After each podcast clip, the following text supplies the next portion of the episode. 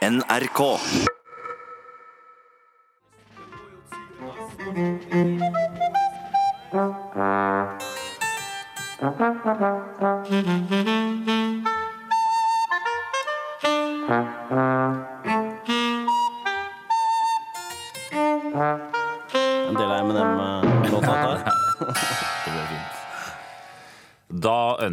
Velkommen til Tastepriv med Bård Harald denne lørdag ettermiddagen 27. november. Det skal bli to timer med intervjuer, samtaler og passiarer også, håper jeg. da, Og eh, kåseri kanskje, Harald? Ja, det småstoff alltid. Ja, alltid, alltid, aldri en dag uten småstoff. Og samt musikk vi later som vi kjenner og liker. Ja, Vi pleier å demonstrere vårt fremmedgjorte forhold til musikken i dette programmet ved å uttale navnene på både artist og sangtittel på en litt sånn motvillig og tydelig lest måte. Det er liksom vår protest. Ja, Stille protest. Det er lørdag i dag, Harald. Uh, hva skjer? Du er en festemann. Er det fest? Nei, uh, i dag skal jeg på middag til noen uh, venner av kona. Ja, parmiddag. Det er selve livet med parmiddag, er det ikke det? Åh, jo, ingenting er så spennende som en eh, parmiddag. Så er det da parmiddag med vennene til kjæresten. Det er jo selve, selve livet. Mm. Ja, det er faktisk selve Det livet. er, det er jo vanligvis veldig hyggelig, men for eksempel så er det en del av disse mennene, altså kjæresten til venninnen til kona, som tar meg i hånden, og da skal de alltid ha et sånn fast håndtrykk. Okay. Jeg vet ikke om det er sånn Oslo-fenomen eller hva, men jeg fatter ikke hva det er de vil med å ha et sånn veldig sånn fast håndtrykk. Hva er liksom greia med det? nå kjenner ikke jeg den uh, gjengen der, men et fast hånd, håndtrykk er vel ansett for å være noe positivt, da? Et tegn på at du er en stødig fyr? Ja, det er vel det? Ja, jeg vet det. Jeg ante meg dette her. At dette, dette syns jeg er rart. Og du hadde fast håndtrykk. Du må være en utrolig bra fyr, siden du velger å klemme så hardt. Deg stoler jeg på, gitt. Du er sterk i hånden. Her, ta alle pengene mine. Ta alt jeg eier. Jeg stoler på deg 100% og har så hard, okay, så hard du- hånd. Er det det som er logikken? Jeg? Så du, altså, du syns ikke at et fast håndtrykk sier noe om hvordan du er? Altså det, er poenget. eneste, det er poenget. Det eneste jeg mener du med sikkerhet kan vite om en som har fast håndtrykk, er at han eller hun sannsynligvis ikke har leddgikt, ikke cerebral parese eller en muskelsykdom. Mm. Det er det. Altså Alle skurker for eksempel, har jo fast håndtrykk. Tror du de, de 5 community Tror du de hadde sånn kult, slapt, giddalaus håndtrykk, eh, Bård? Nei, de i 5% community, som vel man kaller det. De 5% community, som var veldig sjarmerende. Men eh, de hadde garantert fast håndtrykk. Og jeg tipper de også tok deg liksom eh, på armen med den andre hånden, liksom for å Ja, sånn Clinton-hilsen. Ja, ja. Veldig tillitsvekkende, tror Men jeg. jeg mener at hvis noen har et slapt håndtrykk, da vet du jo helt sikkert dette er en fyr som ikke vil meg noe vondt. Ja, Men det er vel også en fyr som ikke vil da noen ting, da. Det er problemet. Det er sant, Han vil ingen verdens ting. Han har kanskje dratt med på middag av kona, har ikke noe ønske om å gjøre godt inntrykk, og heller ikke noe ønske om å gni døde hudceller og bakterier hardt inn i hånden min, sånn som alle de andre mennene har. De sprer sykdommene sine til meg, prøver å vekke tillit hos meg ved å vise at de kan trykke hardt. Hvordan kan de tro at jeg går på det? Altså, at det er et tegn på at du er en bra mann, at du har fast håndtrykk, da undervurderer meg så utrolig at jeg surner før middagen i det hele tatt har begynt, og det blir en dårlig kveld. Og det blir det garantert i kveld. Hvem har Norges, uh, Norges slappeste håndtrykk, tror du? Av menn, da? Ja, det, er- det er et godt spørsmål. Hvem som har Norges slappeste Av de vi har hilst på. Ja. Uh, jeg tror Drillo har et veldig slapt håndtrykk. Han har jo leddgikt, så det er ikke så rart. Ja, jeg tror faktisk han ville hatt et slapt håndtrykk uansett. Altså, han er en fyr som ikke bruker energien på håndtrykk. Han bruker energien sin på analyse av fotball, og Ja. det er det han skal vise fram. Det er det han vil at vi skal bli imponert over. Ikke hardt håndtrykk. Jeg vet at Dag Solstad jeg hilser på, han har et slapt og fint håndtrykk, og jeg ble innmari glad da jeg merket det. Jeg tror forresten Lillebjørn Nilsen, han har slapt håndtrykk, han. Han tror jeg imponerer meg. Men jeg tror han har lange negler pga. gitarspillingen. Så hvis han er hjemme hos deg og f.eks. mister et plekter, og skal ta det opp, så blir det striper i parketten. Ja, ja. Men uansett, vi har mange gjester i dag. Det har vi. håper de har slappe, fine, ikke-masete håndtrykk. Jon Barnander kommer. Han kommer. Lena fra Døden på Oslo S kommer. Hun har slapt håndtrykk. Hun har garantert slapt håndtrykk. Katja Raja kommer. Khalid Raja. Ja, ja, ja. Alt ettersom hvordan, eh, hvordan man uttaler det. Ok. Det skal handle om skole og politikk her, for FNs menneskerettighetskomité i Genéve har behandlet en sak om det norske skolefaget kristendoms-, religions- og livssynskunnskap, også kalt KRL-faget. Og komiteen konkluderte med at ordningen med begrenset fritaksrett krenker FNs konvensjon om sivile og politiske rettigheter. Dermed har norske skolemyndigheter fått et problem. Hvis dette faget kuttes ut, hva skal man da fylle tomrommet med? Hva skal man undervise i stedet? Og nå har du, Khalid Rasha, eh, foreslått et nytt fag som skal erstatte KRL-faget. Ja, det, det stemmer. Og, og gjør meg en liten tjenesteprogramleder. Bare se på meg når du prater til meg i programmet, OK? Jeg, jeg ser det. Jeg ser det, jeg gjør ikke det. du gjør ikke det. Du kikker ned i papirene dine, og nå så ser du på klokka hele tida.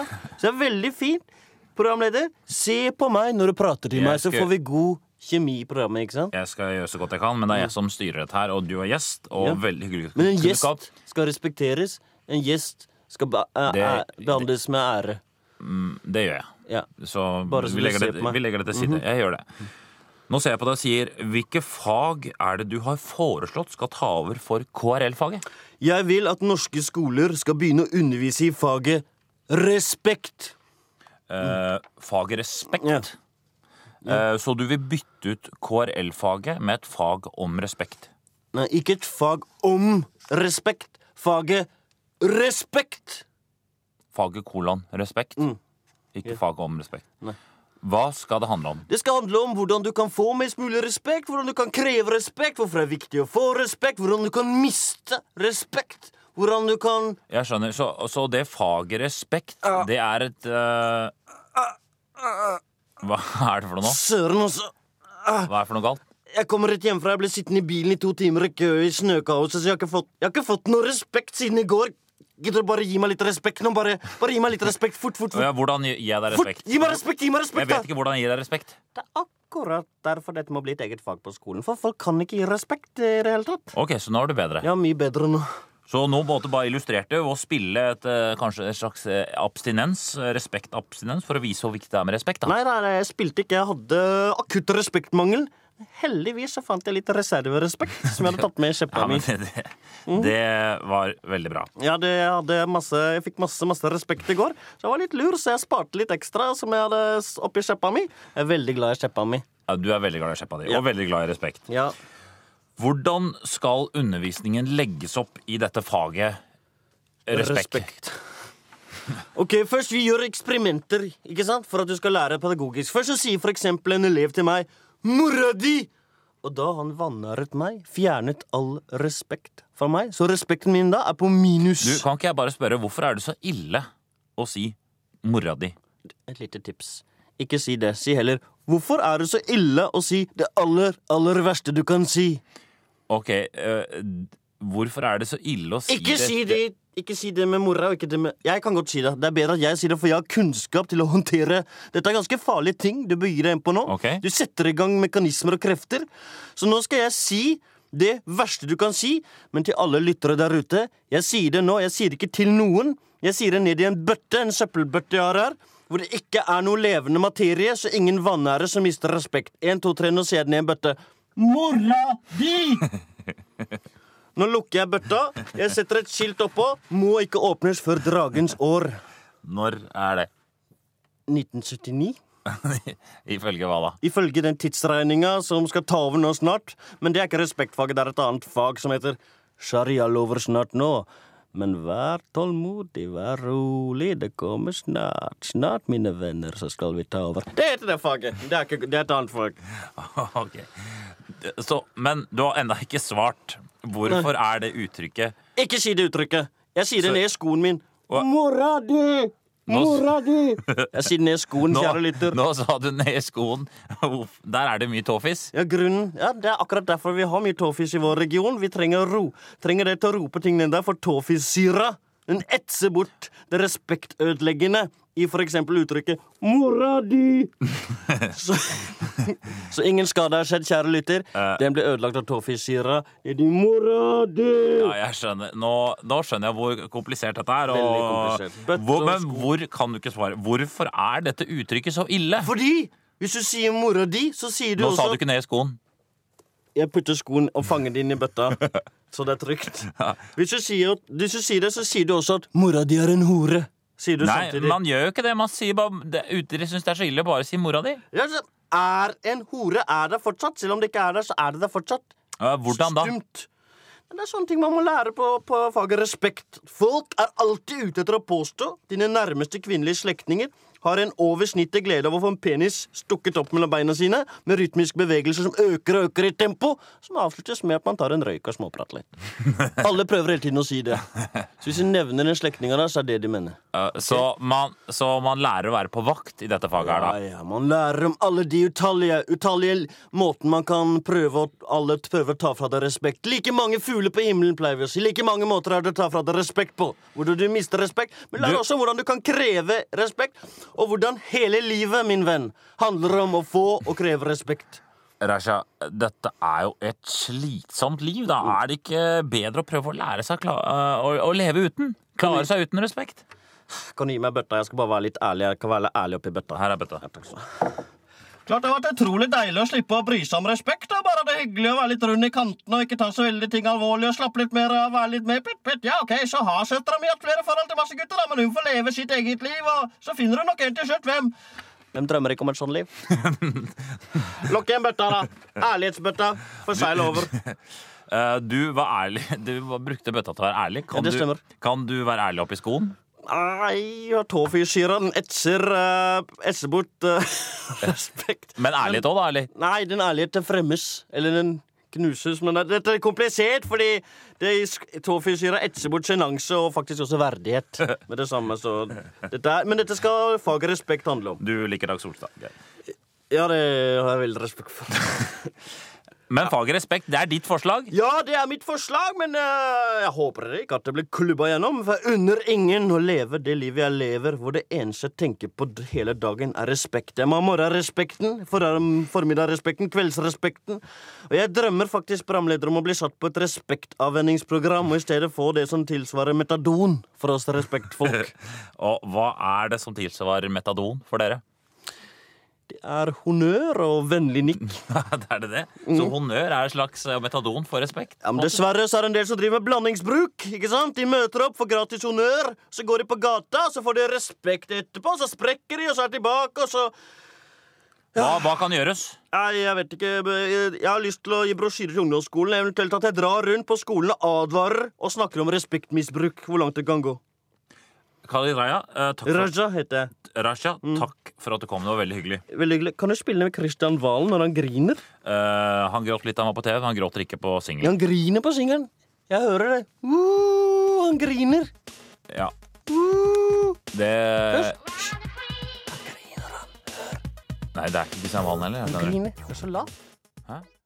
Det skal handle om det som har blitt kalt de nye popstjernene i Norge, nemlig DJ-ene. For denne uken ble det ved Institutt for medier og kommunikasjon ved Universitetet i Tromsø skrevet en hovedfagsoppgave om DJ-miljøet i Tromsø. Og velkommen i studio, Bjørnar Moltemyr. Tusen, tusen takk! Veldig hyggelig å være på link fra Tromsø. Ja, eh, ja, for du er på det vi på fagspråket kaller link. Det betyr at du sitter i NRK studio i Tromsø og snakker med meg, men for dere lyttere så spiller ikke det så stor rolle, for Ja.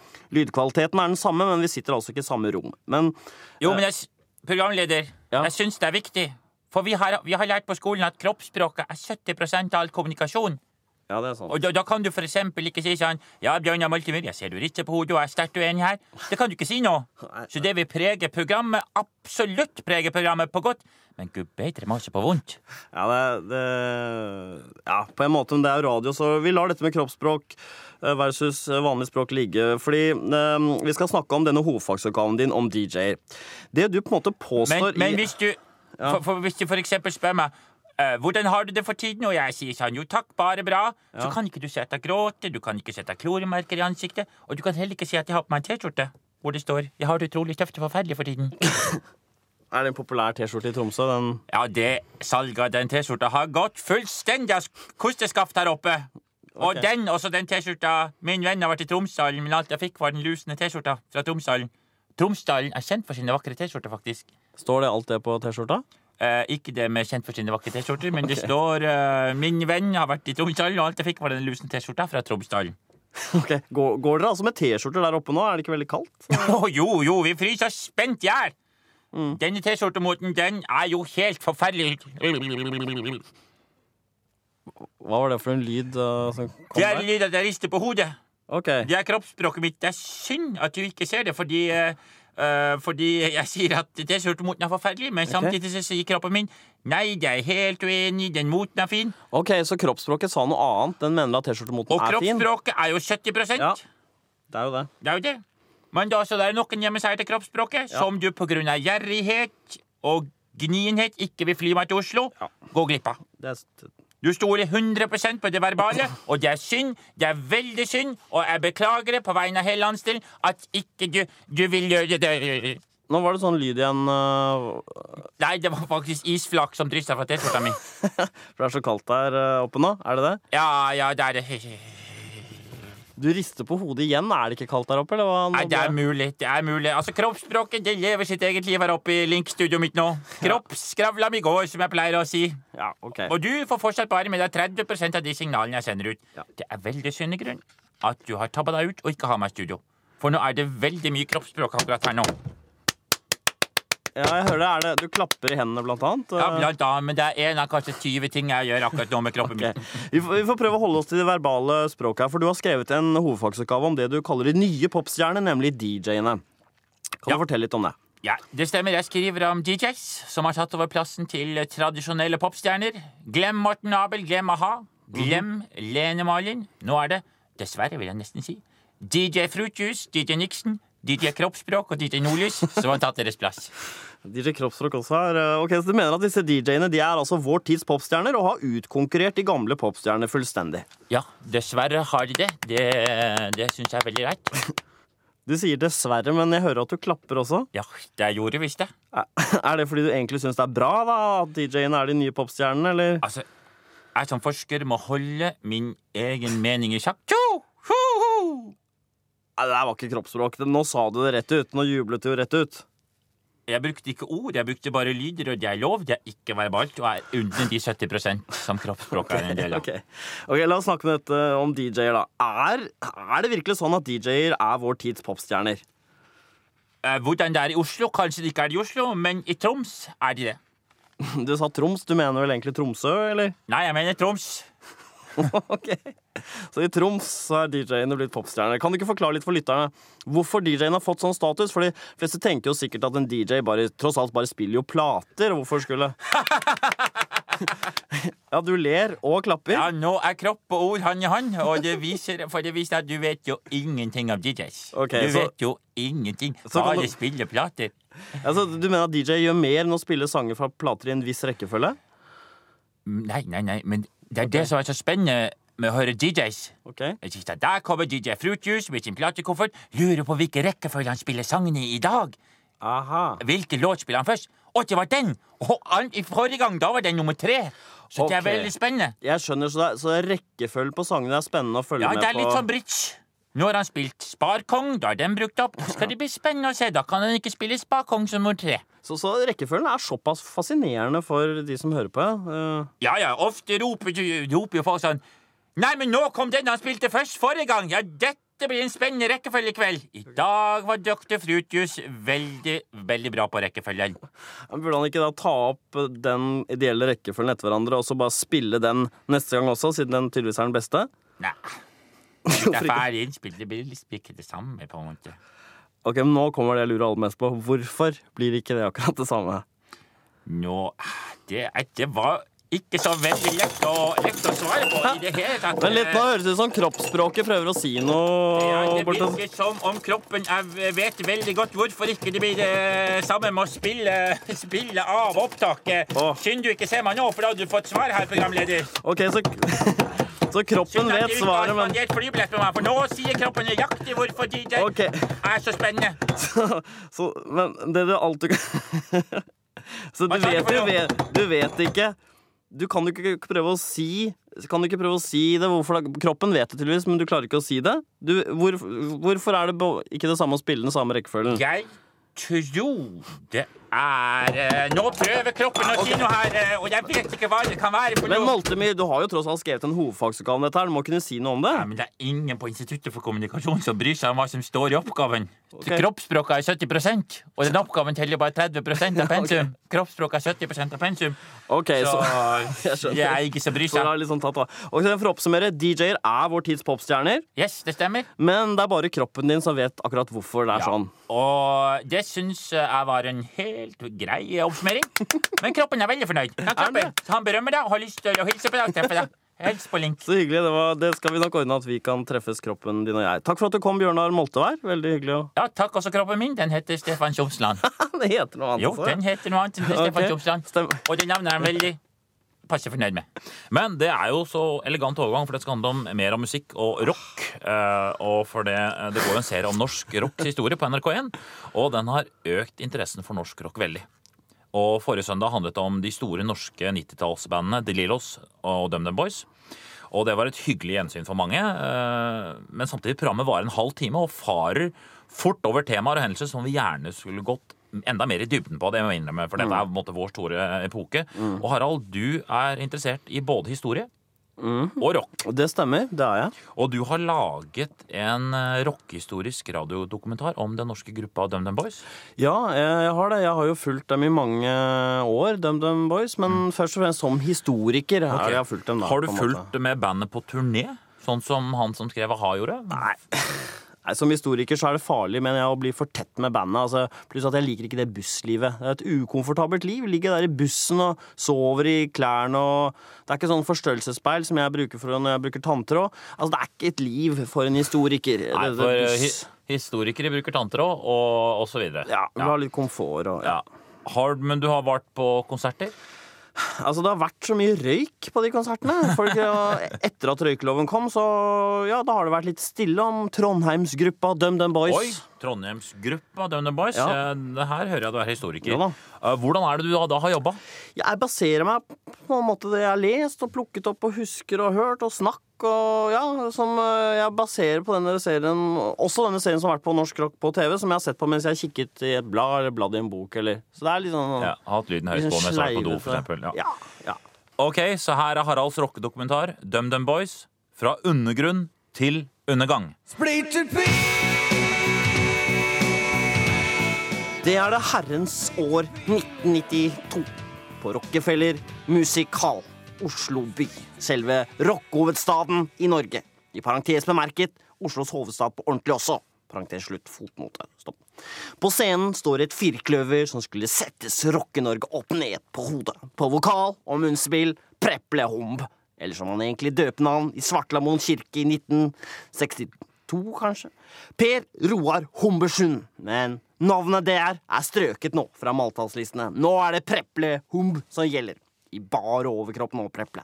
Musklene spiler, og ikke en svettedråpe er tørr. Preple Humb kaster på seg. Svetten spruter. Vi følger en dråpe med svette, sirrer gjennom røykete luften, havner på selve hjernen bak suksessen nå. En suksess som skulle koste seg mer enn det smakte sin pris. Nemlig Kjartan Salvesen Kristiansen. Nei, ikke, sal ikke Salvesen. La assosiasjonene flyte nå! Kjartan Kristiansens står der. Håret klistrer på svettepannen. Han riffer med gitaren. Ustemt. Ja, for stemmegaffelen er langt unna. Kjartan Kristiansen er sliten. Dialekten er på hell. Kjartan ser bakover på de to andre i gruppen med navn som historikeren ikke lenger husker hva. Persi, Iversen, Solan Pedersen. Hvem vet, og hvem har lov å vite? Hvem har lov å bry seg? Publikum er i ekstase. Publikum kaster på scenen, ifølge sceneloggen til Rockefeller Music Hall 3. desember 1992, følgende objekter. Tre truser, to jentetruser og to guttetruser, med jentespor, fire i alt, med andre ord. En tampong, brukt. Noen av guttene hadde hatt det veldig gøy med den på springen på do først, tydeligvis. Var det deg, Harald? Mulig det var øh, en øh, Ja. Men tankene til Preple og hum går tilbake nå. De da punkete og undergrunnen i stakkars lille Trondheim er jo ikke en egen planet som Oslo er. Og den gang het ikke DumDum Boys, men Vannskræk. Stavet på vanlig måte. Nei, du, punken. Ingen respekt for rettskrivning. Vann i vannskræk med dobbelt V og æ i skræk. Yes, kjempetøft, syns de i Trondheim. Norsklærer ringte Preple, kjeftet og sa det var feil nå. Preple bare lo, men angret etter hvert. og Forandret likevel navnet til Dum Dum Boys, for de var ikke noe jenteband som Furias. De var boys. Tilbake til 1992 igjen. Elegant dette her, Bård. Tankene går nå. Preple snakker i den svettete mikrofonen til publikum. Vi selger T-skjorter og annen merchandise på utsida. Og så roper han. Gi meg en D! Folk roper D. Gi meg en U! Folk roper U. Og fortsetter til hele navnet DumDum Dum Boys er stavet. Så roper han en gang til. De roper navnet DumDum Dum Boys. Hørte ikke! roper Preple. Er det sånn det er på konserter? Yes. Ja. Publikum går av hengslene nå, og vaktene fra Trondheims musikkonservative linje, jazzlinja, har fått sommerjobb der, ser nervøst på hverandre. Dette går av skaftet! Men så blir Preple syngete, og kommer stemmer i Det fins ikke piller mot møkkete vann.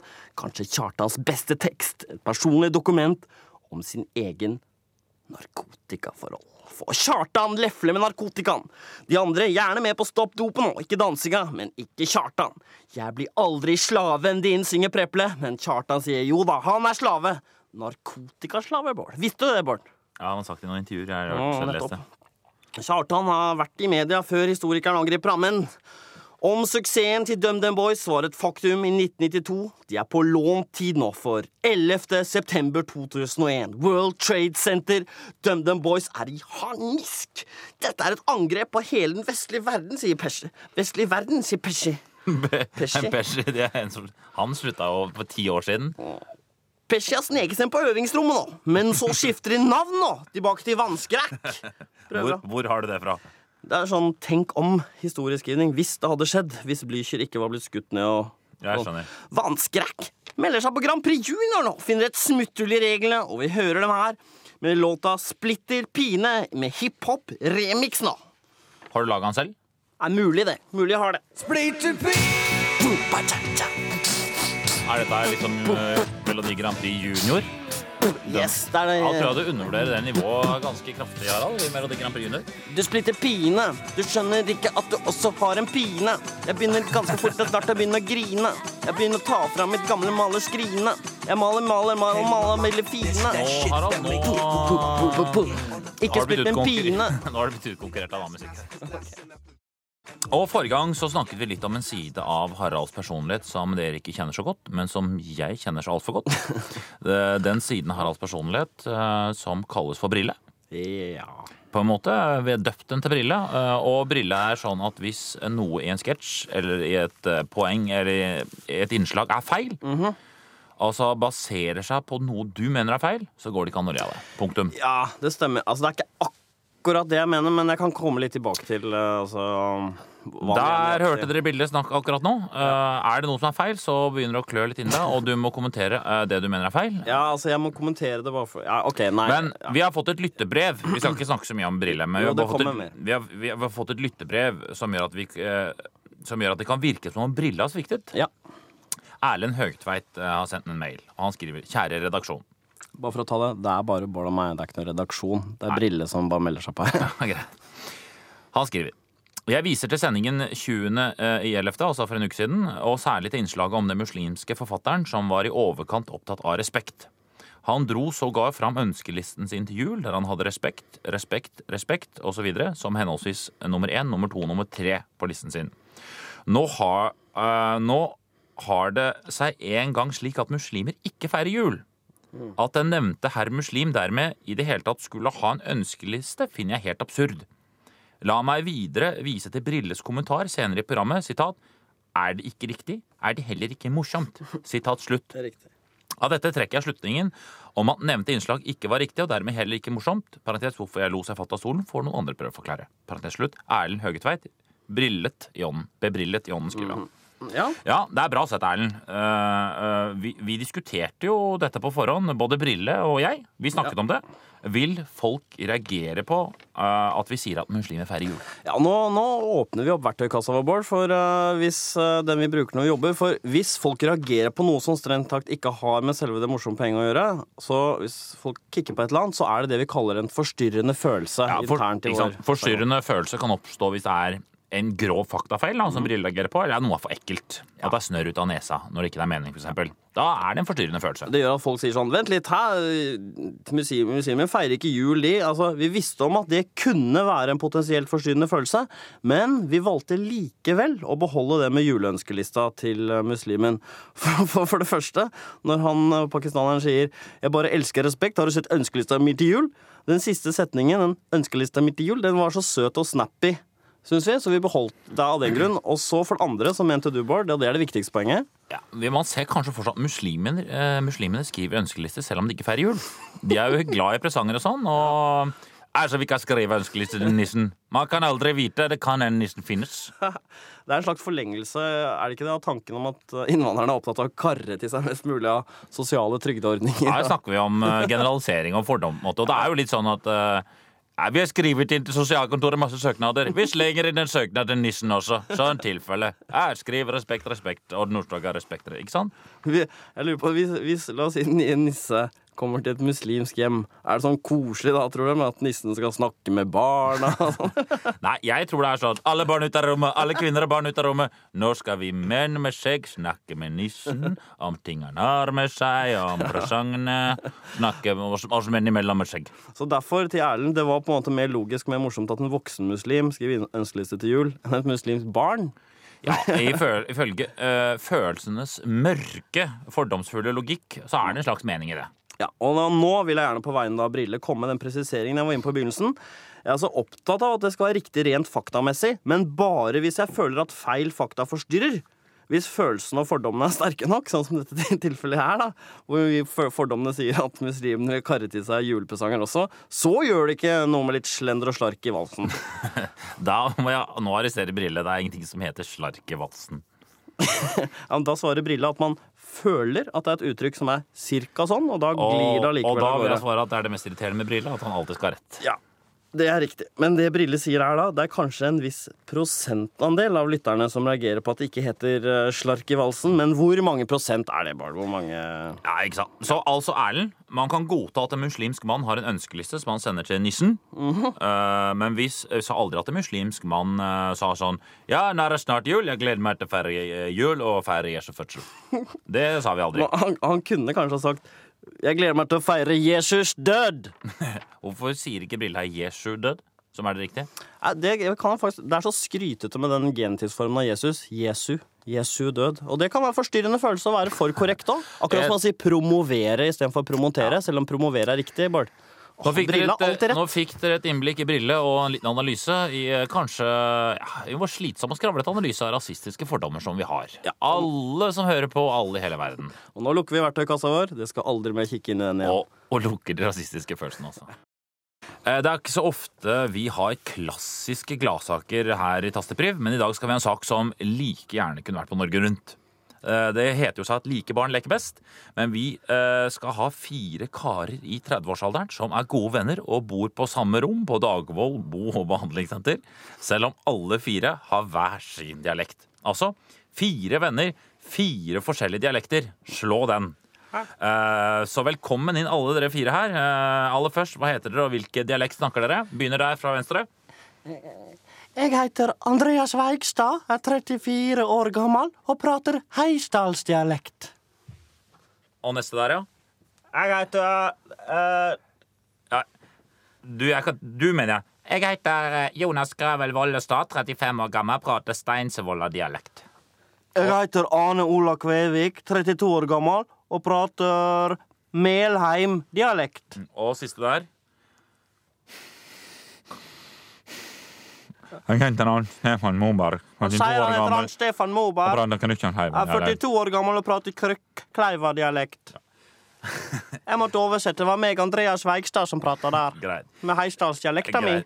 Fire stykker med hver sin dialekt. Det er jo ganske spesielt. Eh, og det må jo oppstå en del pussige situasjoner. Ja. Eh, og det er jo det vi er på jakt etter her. Fortell først du uh, hva, hva, du heter. Jeg? Ja, jeg heter Arne Ola Kvevik, 32 år gammel, prater Melheim-dialekt. Fortell meg om det som sto i brevet jeg fikk av dere, som jeg syns var sjarmerende. Uh, hva tenker du på det der med kjære NRK? Nei, det vi snakket om før sendingen som vi skulle snakke om. At vi skulle få hver vår 0,5 liter med ekte Oslo Coca-Cola? Nei Og ikke Stordalens Joffa-cola, som eh, Terje spøkefullt sier jeg kan konkurrere på pris, og ikke på smak. Hvem er Terje? Terje er eh, 70 eh, miljøarbeider på eh, Dagvoll behandlingssenter. Han tar ofte helgevakter. Dobbelt betalt, sier Terje. Terje er kul. Terje er snill. Terje er myk og god.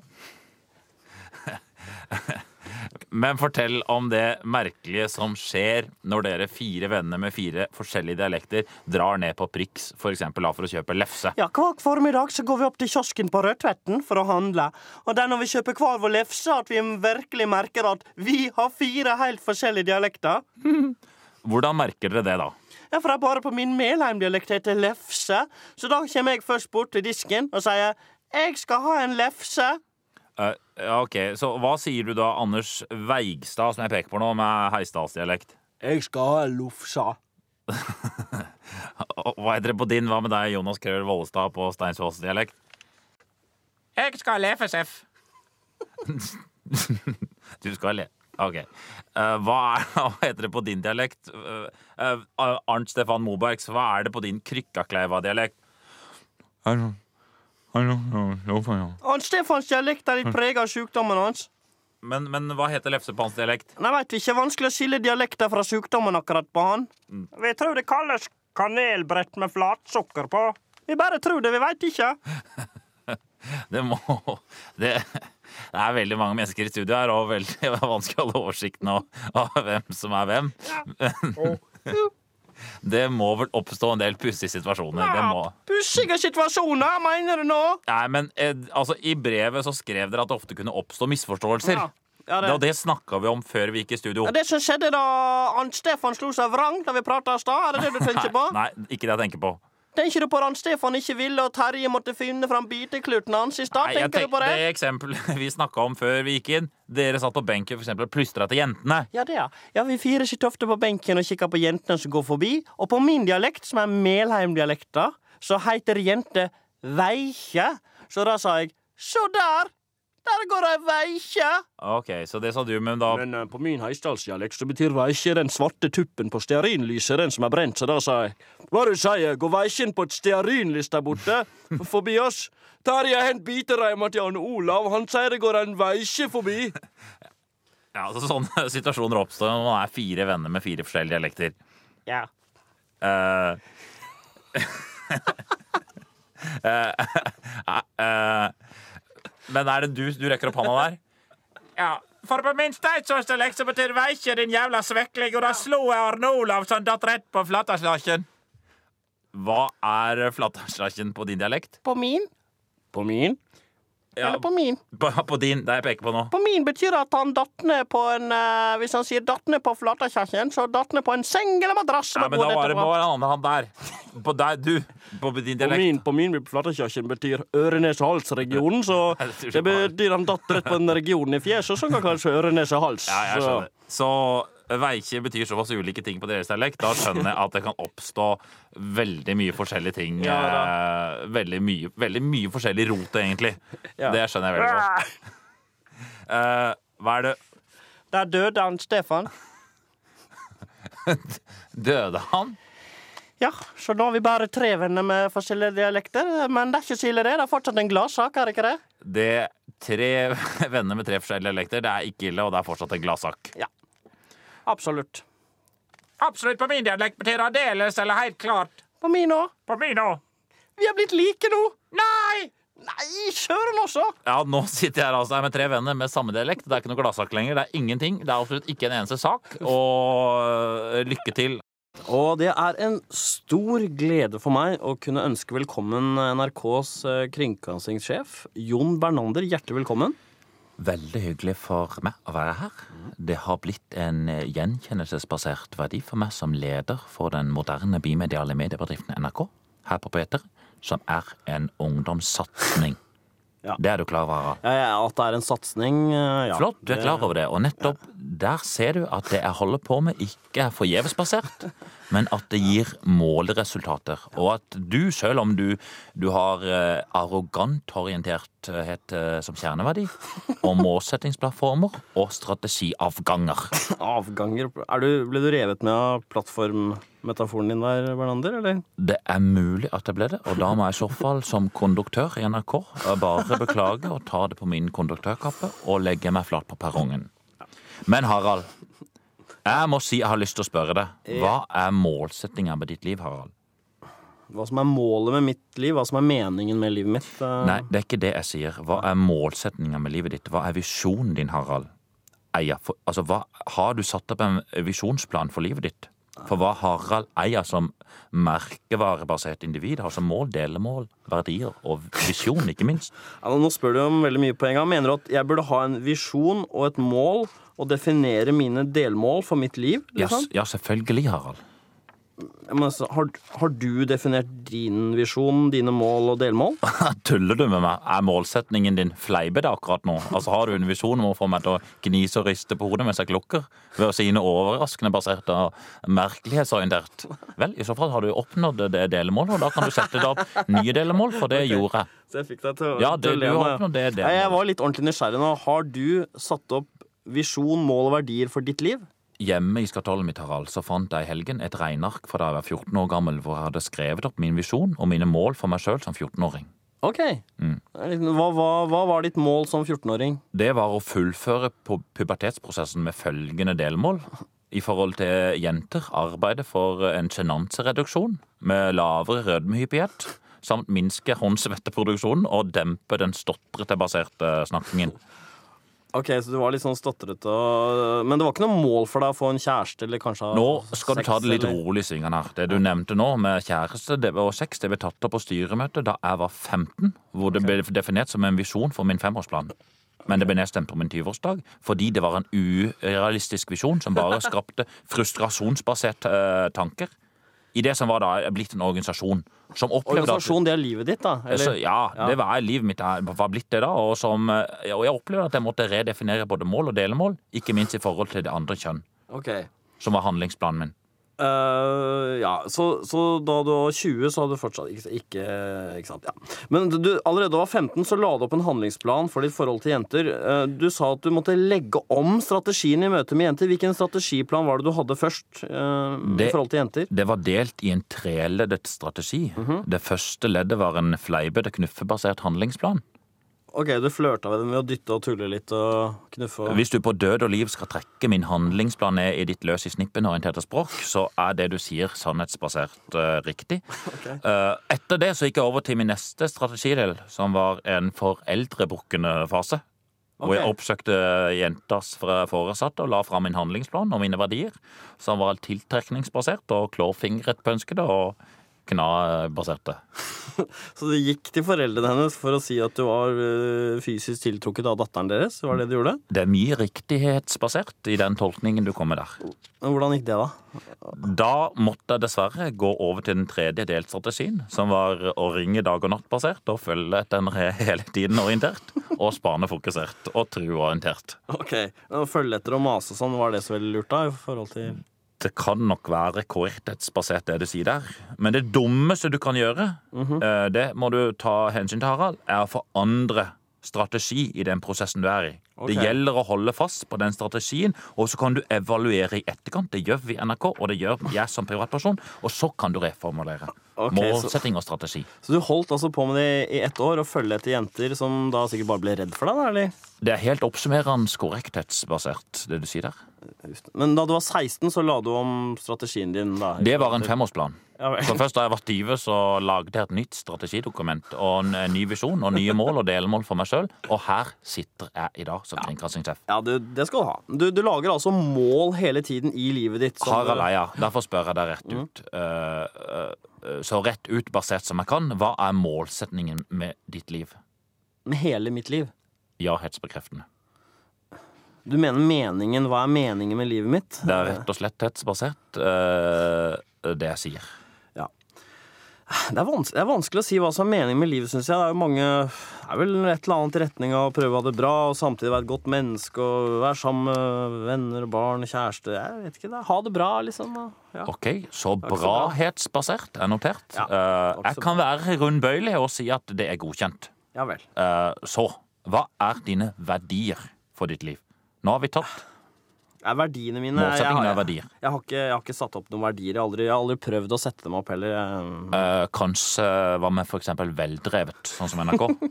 Du vil vel at din, ditt liv skal være veldrevet? Om jeg, at mitt liv skal være veldrevet? Ja, det vil du jo, Nei, Harald. det er ikke så farlig om ikke livet mitt er så veldig veldrevet. På en måte. Men det er litt ålreit. Så da får du her dette verdikortet av meg. Her. Ok, tusen takk. Hva er dette? Så har du ansvar for å verve nye individer, som du da eh, får fem ganger uh, fem nye verdier av meg. Så får du altså eh, 25, og da skal jeg halvparten, som jeg gir noen oppover i systemet. Og da, da, da anbefaler jeg for å drive inn nye verdier at du presser de og sier hvilke mål og verdier har du i livet, og så kommer de verdier, og så lover du dem at de skal få mange verdier tilbake. Og på den måten vil de ende, vil de ende opp med masse visjoner og målsetninger bare ved å investere i én enkelt kjerneverdi. Bernan, dette høres ut som en eh, slags sånn verdipyramide, hvor du driver og hjernevasker folk og lover dem masse verdier og visjoner. Har du rota det opp i en, en pyramide? Målsettingen er kolon. Det er ikke pyramidespill. Hvorfor er det ikke pyramide? Hva? Fordi visjonen er at det ikke er pyramide, og det er målsettingen vår, og da er det ikke det. Hvis, Bernander, hvis du har blitt med på noe som ikke er så bra, så, så bør du trekke deg ut. Du kan trekke deg ut når som helst. Det vil bryte med min handlingsplan, som er satt opp, Ja. og generere masse kjerneverdier og målsetninger. Og jeg kan ikke være vaklende basert. Jeg må ha st- stø kursorienterthet i livet mitt. Husk hva som skjedde da du var 15 år. Hvordan du kasta bort fem år av livet ditt pga. feil jentestrategi. Må mase på dem og sånn. Du tror jeg vil være sånn taper som bare hopper av? Hvor dum tror du det er, da? Oi, hva, som skjedde for noe da? Der fikk jeg et litt mer sjølhetsbasert tilbakefall, og det kan jeg bare beklage. Uh, og kan jeg heller ta en rapp og fortelle om hvordan det er å være meg sjøl? Nei, du får ikke lov til noe rapp. Da ønsker jeg meg en grinebasert sang, sunget av Christian-orientert Valen. Christian Valen, mener du? Ja, han Christian-orientert Valen-baserte mann. Uh, så hvis du spiller den, så tar jeg det opp på bånd hjemme. Okay, Men du kan bare prate oppå, fordi jeg skal bruke NRKs beste teknikere til å fjerne din skravlbaserte snakk. Så her kommer Christian Barseth, hvalorientert, Grine grinebasert sang. Ja. Sett i gang. Bare skavl oppå. Det er ikke det vi spiller, og det er ikke grining på den sangen du prater Det er typisk P3 å ikke ville spille den sangen fordi det er grining, da. Det er så typisk. Er du sinna? Jeg beklager sterkt at det nå ble litt sint, og da er det rett og slett bare å legge meg på perrongen og ønske dere alle en eh, godhetsbasert helg. Men vet du hva, Bernander? Du skal få lov til en ting. Du skal få lov til å snakke løst og, fast om kjerneverdier, visjoner, mål og delmål under hele denne sangen. Er det sant? Ja, det er vi. Er det, får du lov av P3-ledelsen? Ja da, det, det er vi godkjent. Da vil jeg alle til dere ungdommer der ute. Jeg vil snakke først til dere. Det er lørdag kveld. Og det er en behagelighetsorientert dag. Eh, ofte med, eh, basert på festorientert og møte det motsatte kjønn. Og da skal dere ha forskjellige verdier. Da skal dere først satse på trygghetsorientert eh, transportbasert eh, femkorsmiddel, som er eh, en forelderbasert og vi hadde en konkurranse forrige uke. Eh, vi utlyste en konkurranse som heter når man har radio. Og konkurransen var Hvilken kjent persons kropp ville du helst tatt bolig i for en dag? Og hvilken kjent persons kropp ville du helst ikke tatt bolig i for en dag? Ja, og vi kan vel eh, si at dette sannsynligvis ikke var noen bra konkurranse. Vi har fått så innmari lite svar. Jeg vet ikke helt hvorfor, men eh, det har vi fått. Én grunn kan jo være at vi oppfordret til at det ikke skulle handle om sex. Ja. Og da var det akkurat som kanskje fantasien krympet inn. Ja. Og dumt med masse nei, nei, nei. Burde kanskje ikke begrense folk. Kanskje skal lære av det, Harald. Ja, men jeg trodde at uh, det at det ikke skulle handle om sex, kanskje tvert imot kunne gjøre at fantasien blomstret. Uh, fordi man fikk renker og rammer, akkurat som Ja. Men det visnet inn fantasien til folk som en gammel manns uh, penis. Den ble tørr og knuskete som en gammel kvinnes eggstokk, på en måte. Det må vi ikke tørre å knuske til, da. Ja, Hva blir de? Blir de liten og seig, kanskje? Jeg er ikke lege, jeg er bare hjelpepleier, så jeg vet ikke Altså Ja, Akkurat. så vi fikk uh, mye svar av typen uh, som dette her. Vi ville være, kolon, Ole Robert Reitan. Ville ikke være Selina Middelfart. Hilsen Nils, faktisk. Og her er det seks det spilles på. Selvfølgelig. For hvis du tar bort sexen med Selina, så er det det er vel ingen i sin villeste fantasi som tror det er spennende å leve livet til Ole Robert Reitan. Hvis ikke du syns det er gøy å sitte i møter og dra på bedriftsbesøk, f.eks. Eller enda verre, hva er det Ole Robert Reitan er? Å oppildne sine ansatte i Rema 1000 til å jobbe enda hardere for luselønna si. Det må være fælt, det. Og så sette seg i den dyre bilen etterpå. Her fikk jeg tent folk med blåuniformen her i Askim. Noen oppdager livet mitt. Nå skal jeg kjøre hjem og ha nettopp uh, sex med Silje. Og det får jo ikke du være med på, Nei. for den konkurransen sa at det er ikke lov å ha Hva er det egentlig gjør for å oppildne dem, tror du, Harald? Jeg vet ikke. Nei, de gir dem kanskje mobildeksel hvor det står 'Det kjører meg 1000 på mobildekselet'. Én til hver. Eller kanskje de, vinner, de ansatte vinner en bok med bakgrunnsinfo fra Terema Rema 1000. En bok om Lade gård i Trondheim, hvor det hele starta. Vi, dette blir litt internt, men vi, vi har sett den boka om Lade gård, som var opprinnelsen til Rema 1000. Og vi, tenkte, vi satt du, Bård, og tulla med det. Det er så artig for oss ansatte å vite bakgrunnshistorien om hvorfor vi går på lyselønn her i Rema 1000. Akkurat så det er takket være Lade gård at jeg nå i dag hver måned hever luselønn og har ugunst arbeidstider. Det var interessant å lese om. Nå ble jeg også trøtt av å lese om det. Vi tenkte at det var en slags sånn for folk til å sovne, ja. Ok, men Jakob fra Oslo sier Jeg tror jeg jaggu meg ville vært Thomas Dybdahl for en dag. Helst en dag han spiller konsert. Det må rett og slett ta helt av. Pluss at kanskje Silje Salmonsen hadde dukket opp på den sinnssyke festen de hadde hatt etter konserten. Ja. Er det noe gøy å være Thomas Dybdahl? Altså, Hvis du skal være han, så er sjansen for at du i 16 av de 24 timene sitter i en bandbuss. Ja, og det er ikke gøy. Nei, det vet vi. Og la det være helt klart. Å sitte i bandbuss eh, rangerer vi som det, den verste måten å tilbringe tid på. Ja. Eh, altså, Det er nesten verre enn et møte i næringslivet Ja. eller et bedriftsbesøk hvor du oppildner folk. Ja, de er, Til å jobbe er ganske jevne. Men altså, jeg har lyst til å ta i det der med å få lov til å være sammen med Silje Salmonsen, for hun er veldig søt. Men husk, hun er jo skuespiller, og jeg er jo selv gift med en skuespiller. Jeg vet ikke om eh, dere lyttere har sett en kulisse noen gang. En sånn teaterkuliss.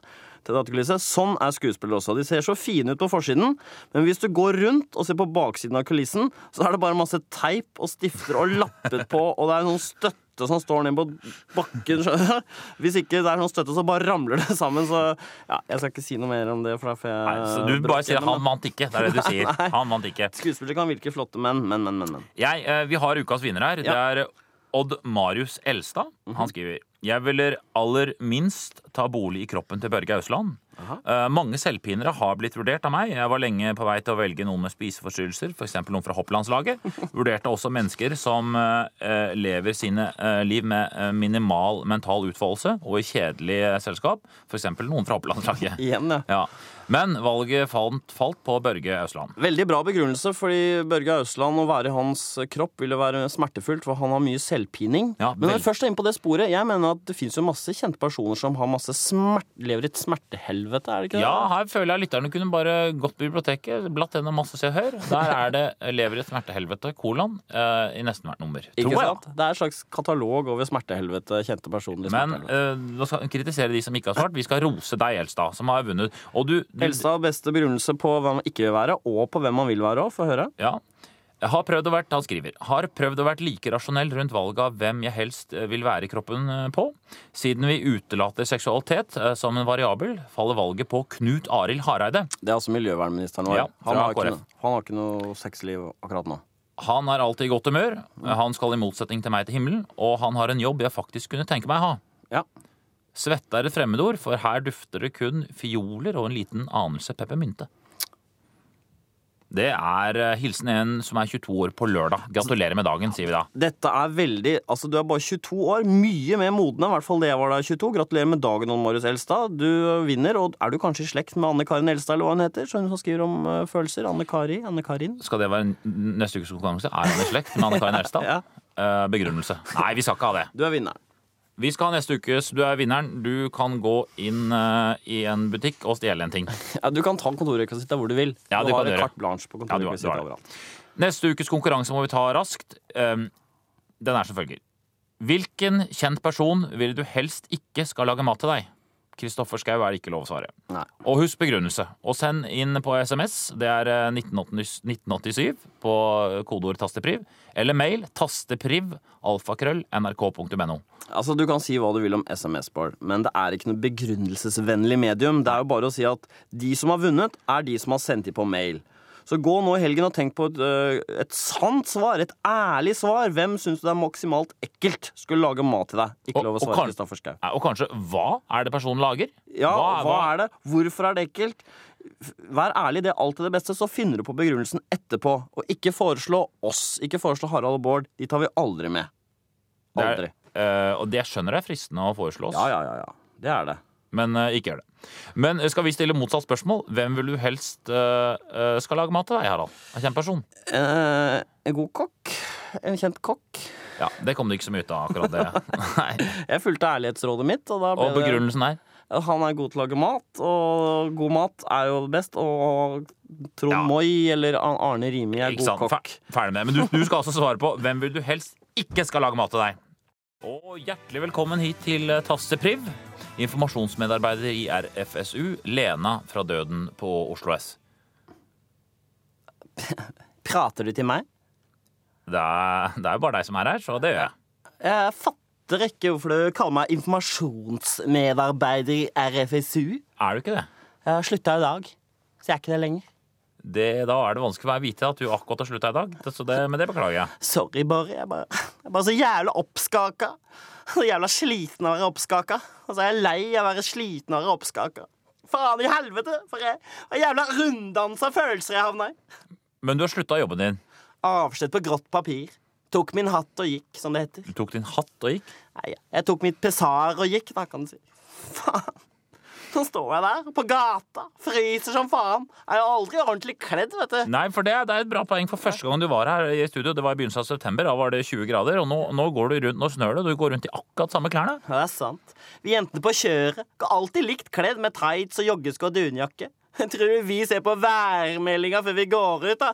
Nei, det blir litt sludd i morgen. Man passer på å ta på allværsjakka. Tror du vi er så streite?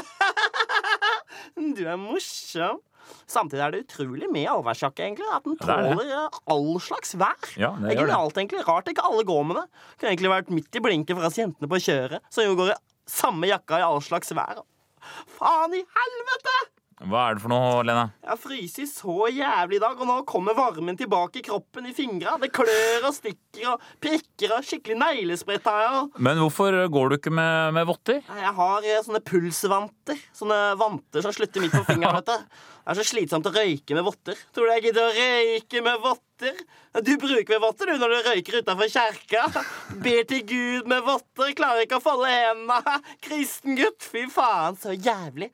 Går i kjerka på julaften, stivpynta med jævla vellykka familie. Fy faen, det ofrer ikke en tanke til oss som lever på livets skyggeside og putter kanskje en tusenlapp som avlat oppi Frelsesarmeens kasse. Fy faen, så kvalmt.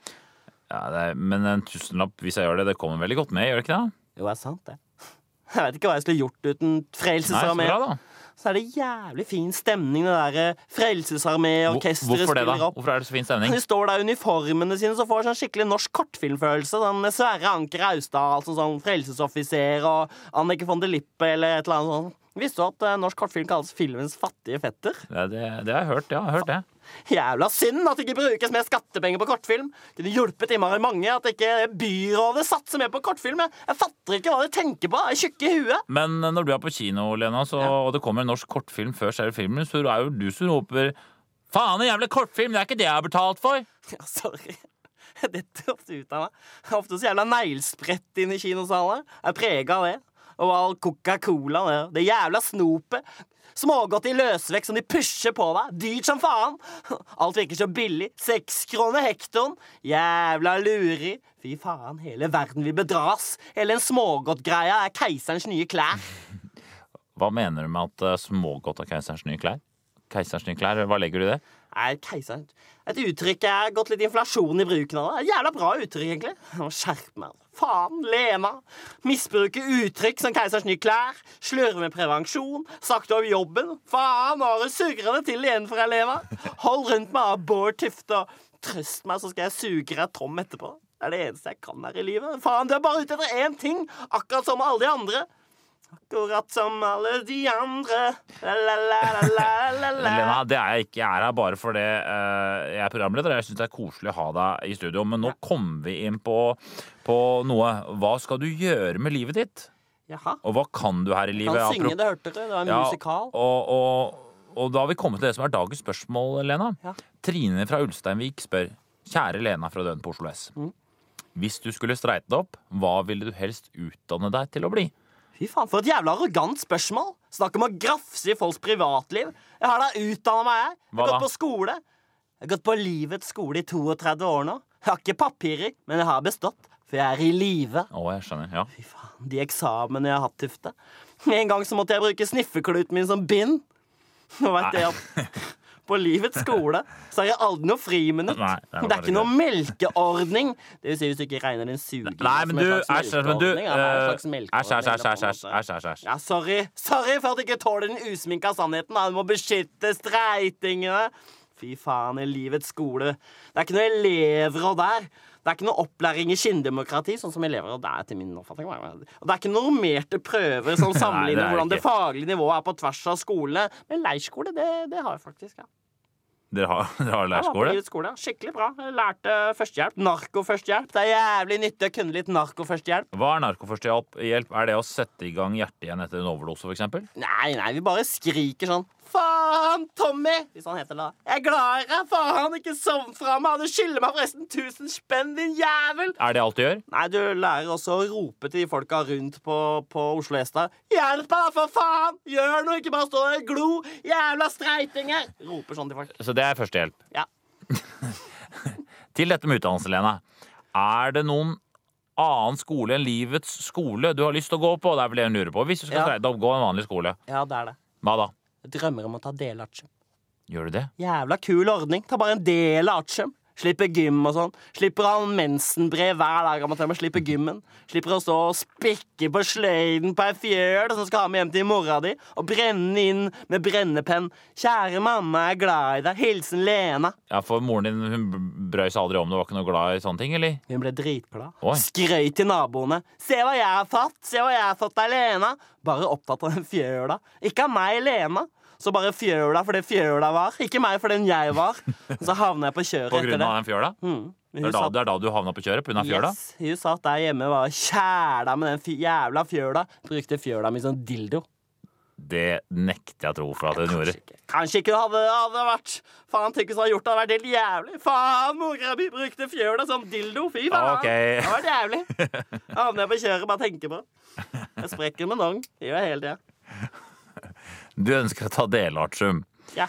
Hva ønsker du å bruke delartium til? Bruke det til? Hva faen mener du? Faen, etter delartiumet? Da skal jeg ta noe fri, ja. Da skal det, ja. Jeg skal hvile på laurbærene, reise rundt og treffe andre frikere som også tar delartium. Og da må jeg hvile litt og fordøye kunnskapen de har fått, de også. Etter fire-fem år så vender jeg hjem, men da er jeg forandra. Er ikke den samme lenger. Faen, faen, så mye dritt jeg har sett på den turen. Faen, folk her i Norge de veit ingenting. Med unntak av folk som reiser mye rundt. Da, forretningsfolk og sånn. De, de driter seg forresten loddrett ut når de er i Japan. De kan jo ikke kutimene. Fy faen, det er mange norske næringslivskontrakter Bård, som har gått i vasken.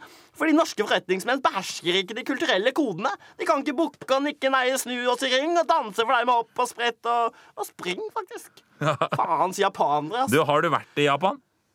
De japanerne, jævla sexfreaks. De digger sånn skolejenteopplegg med sånn kort skjørt og faen, skal aldri dra dit igjen. Uh, du har vært der, altså. Nei, jeg kunne godt tenkt meg det. Virker veldig spennende land. Uh, så du altså, kunne godt tenke deg å ta delartium, Ja. hvile noen år, og så etter Ja, så vil jeg Hva Nei, vil- faen i helvete! Hva er det nå? Jeg har svelga noe hasj pakka inn i prevensjonsmiddel. Men eh, ikke pakka Ikke kondomer, da, eller? Nei, jeg rota pakka hasjen inn i det relativt nye prevensjonsmiddelet P-plaster. Det er en skikkelig nysatsing. Spennende produkt, men eh, det oppløses i magasyren, og nå går all dritten ut i blodet. Oi, Faen. oi, oi, æsj. Elg i Dance with a Stranger kommer til å banke meg. Faen.